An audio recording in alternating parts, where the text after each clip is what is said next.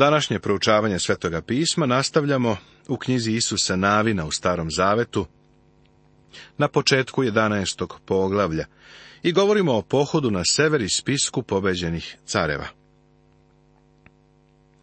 Svi ti carevi dogovoriše se i dođoše i stadoše zajedno u oko na vodi Meromu, da udare na Izrael. A gospod reče Isusu, ne boj ih se, jer sutra u ovo doba ja ću učiniti, te će svi biti pobijeni pred Izraelom. Konjima njihovim iz preseca i žile i kola njihova popali ognjem.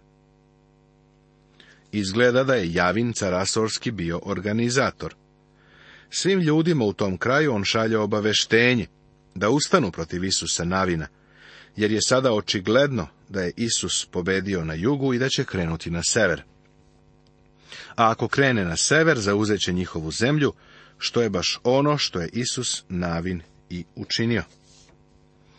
Kao što smo vidjeli, strategija Isusa Navina je bila da zemlju razdvoji na dvoje, pa da potom krene na jug, koji znači sa severa nije mogao da dobije nikakvu pomoć, i sada se okupljaju carevi sa severa.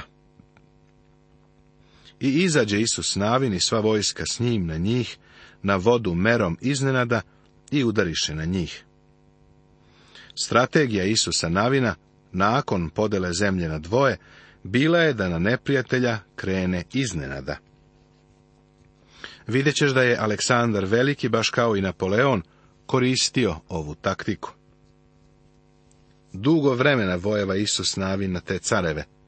Ne bi ni jednoga grada koji učini mir sa sinovima Izraeljevim, osim Jeveja, koji življahu u Gavaonu svi ih uzeše ratom.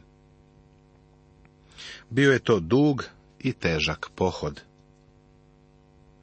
U dvanaestom poglavlju imamo imena careva koje su Izraelci pobedili.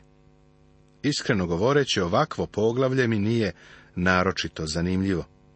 Ali jedna stvar me impresionira, a to je detaljnost koju Bog celog svemira daje u vezi sa ovim. Pomislili bismo da se on stalno bavi nekim velikim pitanjima, nekim grandioznim stvarima. Ali tu gde živimo, Bog nam ukazuje na samu suštinu. Ovde se nalazi i pouka za nas.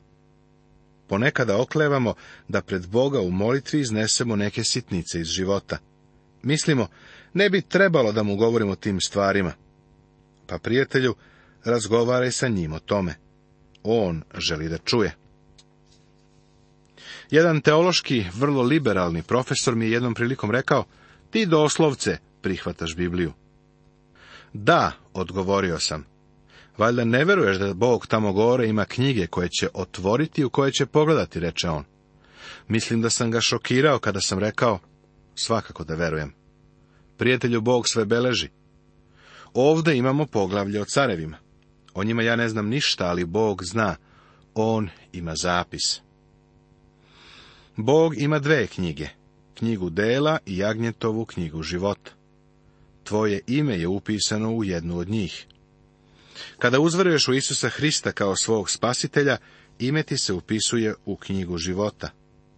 Tvoje ime se tvojom zaslugom tamo nikada neće naći. Ako ti je ime u toj knjizi, onda imaš večni život u Hristu. Postoji i knjiga dela. Ona beleži detalje svega što si ikada učinio. Mnogim ljudima će biti vrlo neprijatno kada otkriju da je sve što su učinili bilo kao čaša hladne vode, koja ih ništa nije koštala.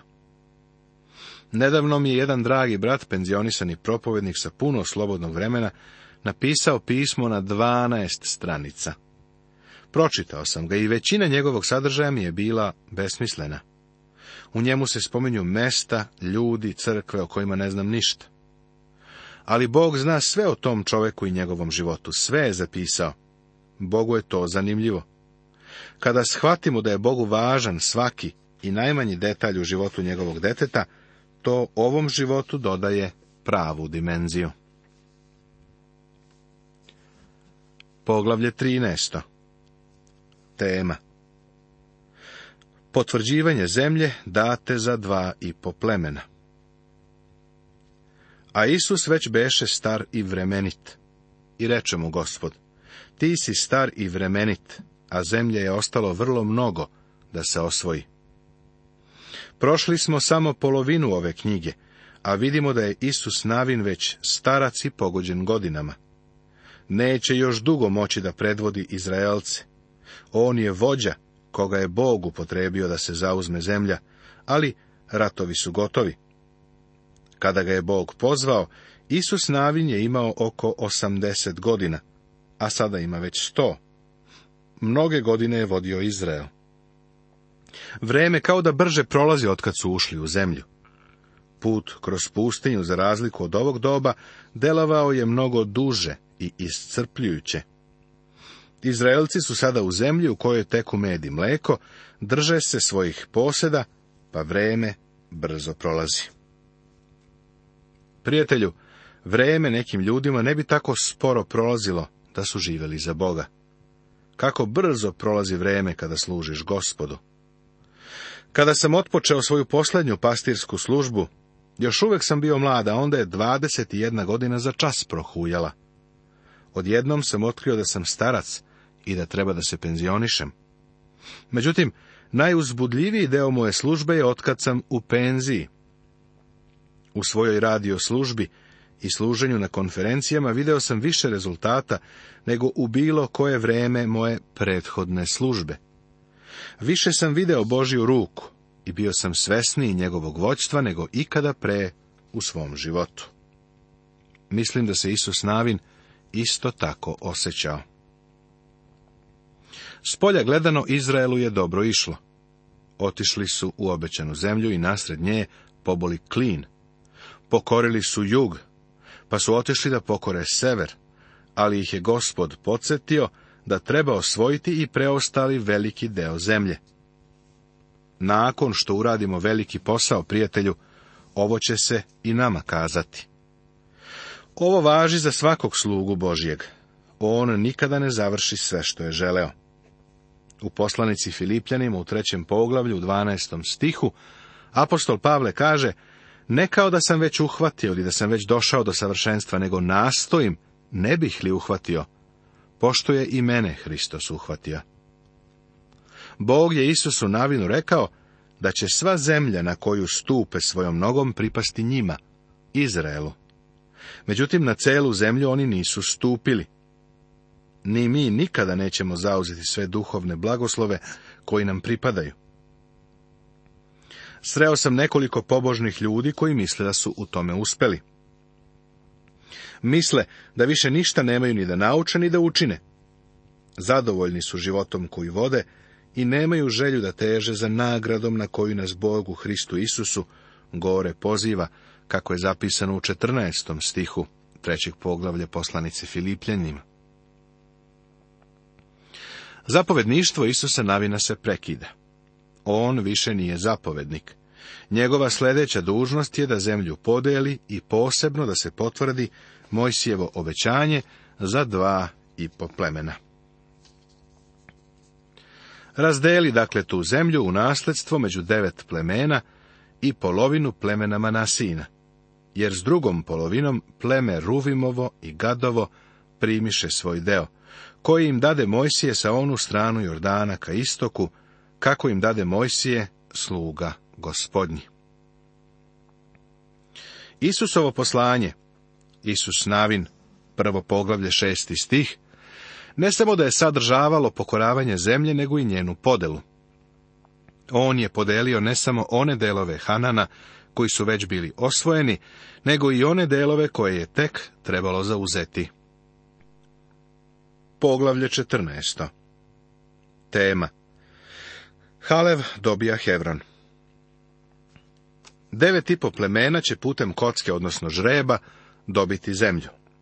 Halev privilegijom stiče Hevron.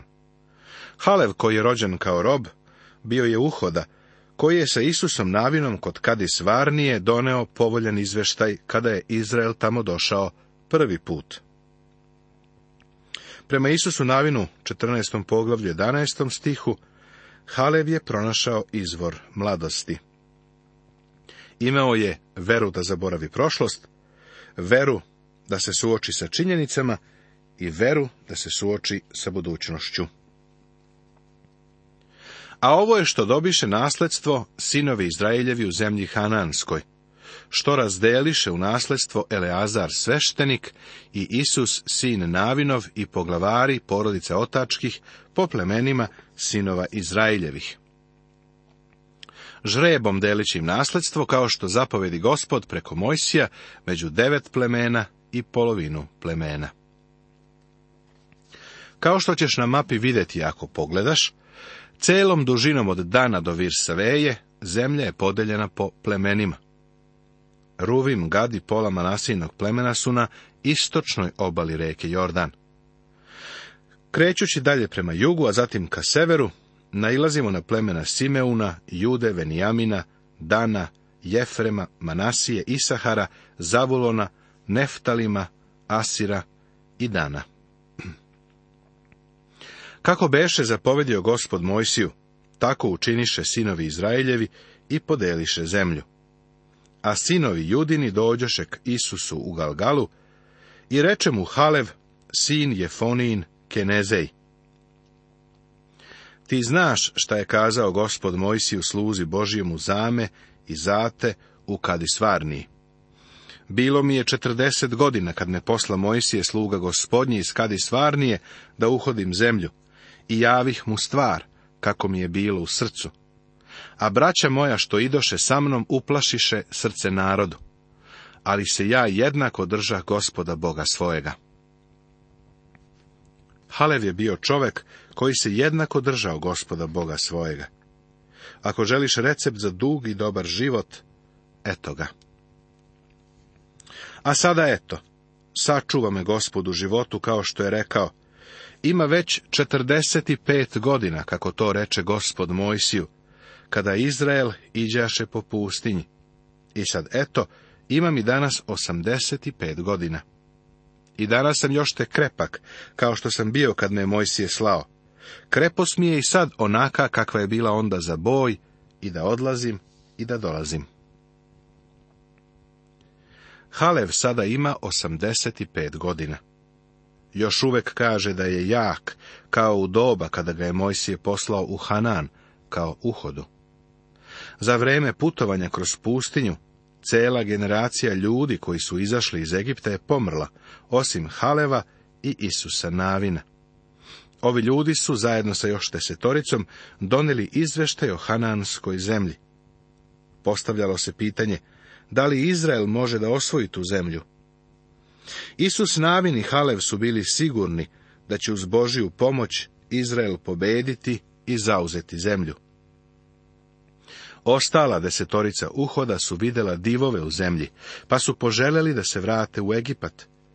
Hteli su da se vrate u ropstvo, u cigle, u bić nadglednika poslova, u okove, karike i stenjenje pod terorom i teretom. Gospod Isus je rekao, za carstvo Božije nije niko ko stavi svoju ruku na plug, pa se osvrće unazad, kao što je zapisano u evanđelju po Luki, u devetom poglavlju 62. stihu.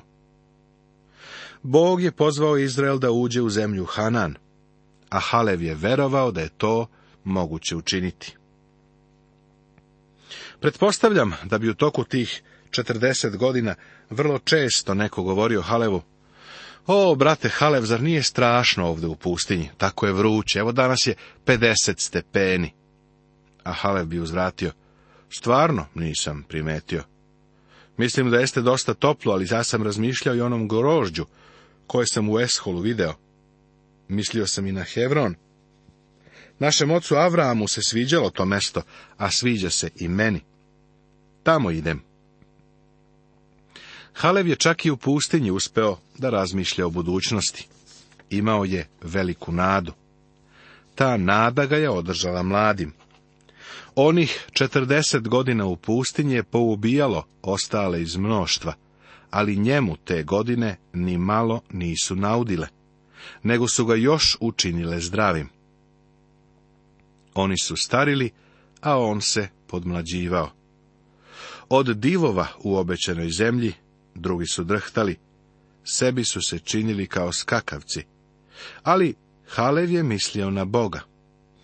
Srce ovog čoveka je bilo slobodno od straha. Kao što je Martin Luther rekao, jedan sa Bogom predstavlja mnoštvo. Bog je veći od divova. Halev me podsjećena na Adonirama Jacksona, misionara koji je 12 godina proveo u Burmi, bez i jednog obraćenika. Odbor koji ga je poslao nije shvatio situaciju, niti to kakvog izuzetnog misionara imaju u Adoniramu Džaconu. Zatim su mu uputili vrlo diplomatsko pismo, predlažući mu da se vrati kući. Pitali su ga zato kako on vidi budućnost Burme. Njegov odgovor je bio, budućnost je svetla kao Božije obećanje. Njegovo pouzdanje u Boga je bilo razlog da sve te godine ostane u pustinji Burme. Iako je mnogo pretrpeo i iako je bilo potrebno mnogo vremena, dok je došlo do probuđenja, konačno se i to dogodilo. On je svoje vrijeme dobro protrošio. Uživaš li u svim duhovnim blagoslovima koje Bog za tebe danas ima? Kažeš, imam mnogo nevolja. Znam da hrišćani u toku svog života imaju mnogo nevolja. Moje srce saoseća sa njima. Ali uvek se setim svedočanstva jednog crnca, koji je rekao da je njegov omiljeni stih Izbi se i bi tako. Kada ga je zbunjen narod pitao šta time hoće da kaže, on je odgovorio Kada upadnem u nevolju i kada se problemi nagomilaju, otvori moj stih i znam da moje nevolje neće ostati. Došle su da prođu, samo su se zbile, samo su se dogodile. Ima mnogo stvari na koje se možeš požaliti, prijatelju. Toga ima i kod mene. Ali šta je sa tvojom nadom? Šta je sa budućnošću? Halev je u onoj pustinji četrdeset godina uživao sve duhovne blagoslove koji su mu u Hristu pripadali. Pošto je Halev verovao Bogu i pošto je bio čovek vere, rekao je. Zato daj mi sada ovu goru, za koju je govorio gospod u onaj dan, jer si čuo u onaj dan da su onde enakimi i gradovi veliki i tvrdi, da ako bude gospod sa mnom, te ih isteram, kao što je gospod kazao. Sjetit ćeš se da je u prvoj knjizi Mojsijevoj Avram otišao u Hevron, što znači zajednica. To je bilo mesto zajedništva. Halev je imao zajedništvo sa Bogom, pa sada želi da se useli na Hevron. I Isus ga blagoslovi i dade Hevron Halevu, sinu Jefonijinu, u nasledstvo. Zato pripade Hevron Halevu, sinu Jefonijinu Kenezeju, u nasledstvo do današnjeg dana, jer se jednako držao gospoda Boga Izraeljeva. Prijatelju, jednoga dana ćemo primiti nagradu. Nećemo biti nagrađeni prema količini posla koji smo uradili za Boga, niti prema ličnoj istaknutosti i popularnosti. Ovo će biti važno. Jesi li se jednako držao gospoda Boga? O, kada bi Boži narod danas naučio da je u životu najvažnije slediti gospoda.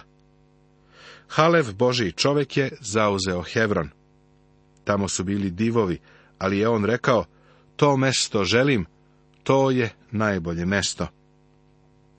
O, kada bismo ti i ja težili i stremili ka tom visokom pozvanju Božijem u Isusu Hristu. Poštovani slušaoci, ovim smo završili 14. poglavlje knjige Isusa Navina u Starom Zavetu. U našem narednom programu nastavljamo sa 15. poglavljem.